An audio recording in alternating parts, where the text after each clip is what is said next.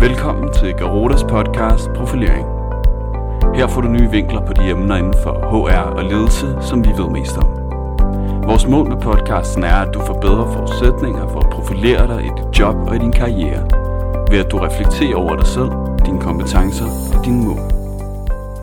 Dette afsnit hedder Det forpligter at bruge personprofiler i rekrutteringen af Mikkel Hune Toksvig. Personprofiler bliver brugt i større omfang end nogensinde før, når danske virksomheder rekrutterer. Det er som udgangspunkt positivt for både kandidater og arbejdsgiver. Dog forpligter det at benytte personprofiler, for de skal indgå i en større sammenhæng fra jobanalyse til onboarding for at gøre den største forskel. Og så skal både kandidater og arbejdsgiver gå til dem med den rette indstilling. Jeg mener ikke, at konkurrence hænger sammen med at opnå gode resultater. Og jeg springer gerne over opgaver, hvor man skal arbejde med en masse detaljer. Hvis du er blevet ansat inden for de sidste par år, er der stor sandsynlighed for, at du skulle tage stilling til udsagn som disse i løbet af din rekrutteringsproces. Udsagnene stammer nemlig fra en personprofil, som stadig flere virksomheder bruger, når de ansætter nye medarbejdere. For eksempel viser en undersøgelse, som organisationen Lederne gennemførte i starten af 2018, at 54% af de medlemmer, der blev ansat i årene 2014 til 2017, havde udfyldt en personprofil forud for deres ansættelse. For de medlemmer, der blev ansat i 2005 eller tidligere, lå tallet nede på 31%. Ifølge Rikke Winter Dupont, der er chefkonsulent hos Geroda AS, som gennem mere end 35 år har udviklet personprofiler til det skandinaviske marked, er dette en positiv udvikling. Brugt på den rigtige måde kan personprofiler nemlig være med til at hæve den prædiktive validitet, altså øge sandsynligheden for, at man vælger den rette kandidat. Det kan spare virksomheder for en masse ressourcer, fordi fejlrekrutteringer er dyre og på sigt kan det være med til at fastholde den nyansatte, fordi man med personprofilen har en indikation af, hvordan hun foretrækker at arbejde, og hvordan hun passer ind i kulturen, til gavn for både virksomhed og nyansat. Må aldrig stå alene. Som arbejdsgiver skal man dog gøre sig visse overvejelser, inden man begynder at bruge personprofiler. Det første, man skal være bevidst om, er, at en personprofil aldrig kan stå alene. Personprofilen er netop en profil, ikke en test, så den giver ingen rigtige eller forkerte svar. I stedet fungerer den som udgangspunktet for en dialog om styrker og svagheder, motivation og trivsel i en konkret jobmæssig kontekst, siger Rikke Winter Dupont og fortsætter. Dernæst skal man være bevidst om, at man får mest ud af profilerne ved at koble dem sammen med de øvrige HR-processer i rekrutteringsfasen. Ideelt set vil det sige, at man i løbet af jobanalysen opstiller en idealprofil, som man forestiller sig passer bedst til jobbet. Idealprofilen kan basere sig på erfaringer eller på analyser af, hvordan profiler på succesfulde medarbejdere i samme type stilling ser ud. Derefter lader man nøgleord fra idealprofilen gennemskinne jobopslaget.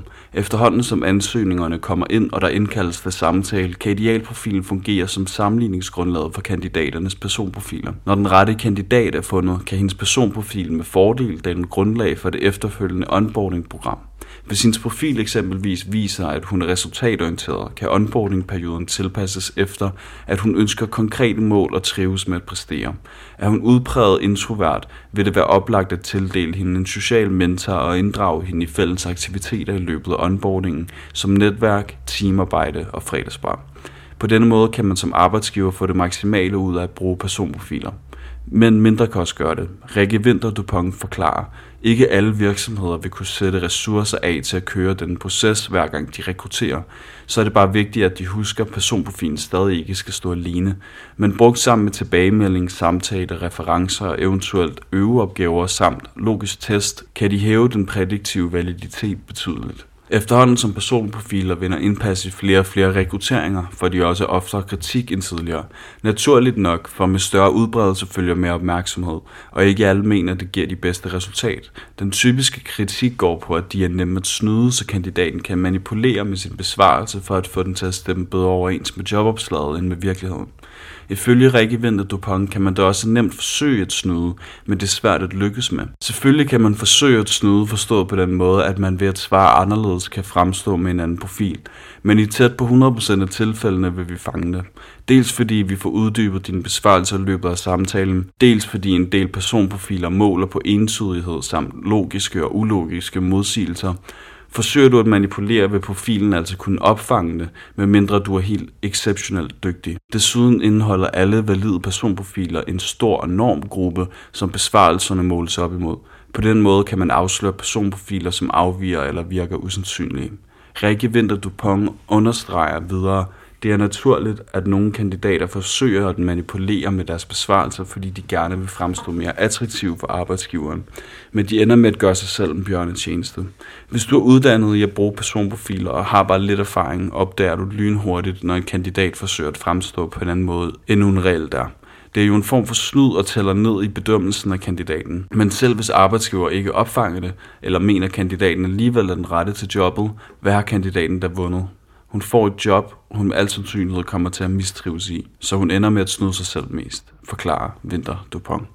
Den rette indstilling. I stedet bør kandidater og arbejdsgiver gå til personprofilen med en indstilling om, at det er i begges interesse at skabe det bedst mulige match.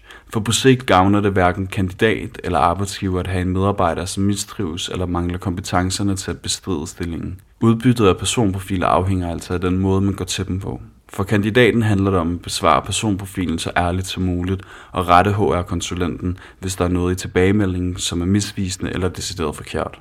Er kandidaten åben og ærlig, får hun en mere behagelig tilbagemelding, og hun giver sin potentielle leder et meget bedre udgangspunkt for at hjælpe hende i gang med jobbet, vurderer Rikke Winter Dupont, og slutter af med at fortælle om arbejdsgiverens indstilling. For arbejdsgiveren handler det om at præsentere personprofilen på den rigtige måde, så kandidaten ikke forsøger at give en misvisende besvarelse, og så skal arbejdsgiver være bevidst om, at personprofilen ikke er en facitliste, men i stedet giver vigtig viden om kandidaten, der skal uddybes i løbet af samtalerne. Den viden kan arbejdsgiveren tage med videre i sit onboarding-program. På den måde kan personprofilen bidrage til at forfine og ensrette virksomhedens HR-processer fra de første rekrutteringstanker til slutningen af onboarding-programmet, hvilket kommer både virksomheder og kandidater til gode. Men personprofiler kan aldrig stå alene, så det forpligter at bruge dem både for virksomhed og kandidat.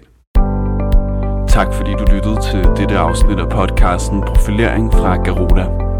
Hvis du vil have mere viden om HR og ledelse, så lyt med næste gang. Eller besøg vores blog Profil på garuda.dk. Vi høres ved.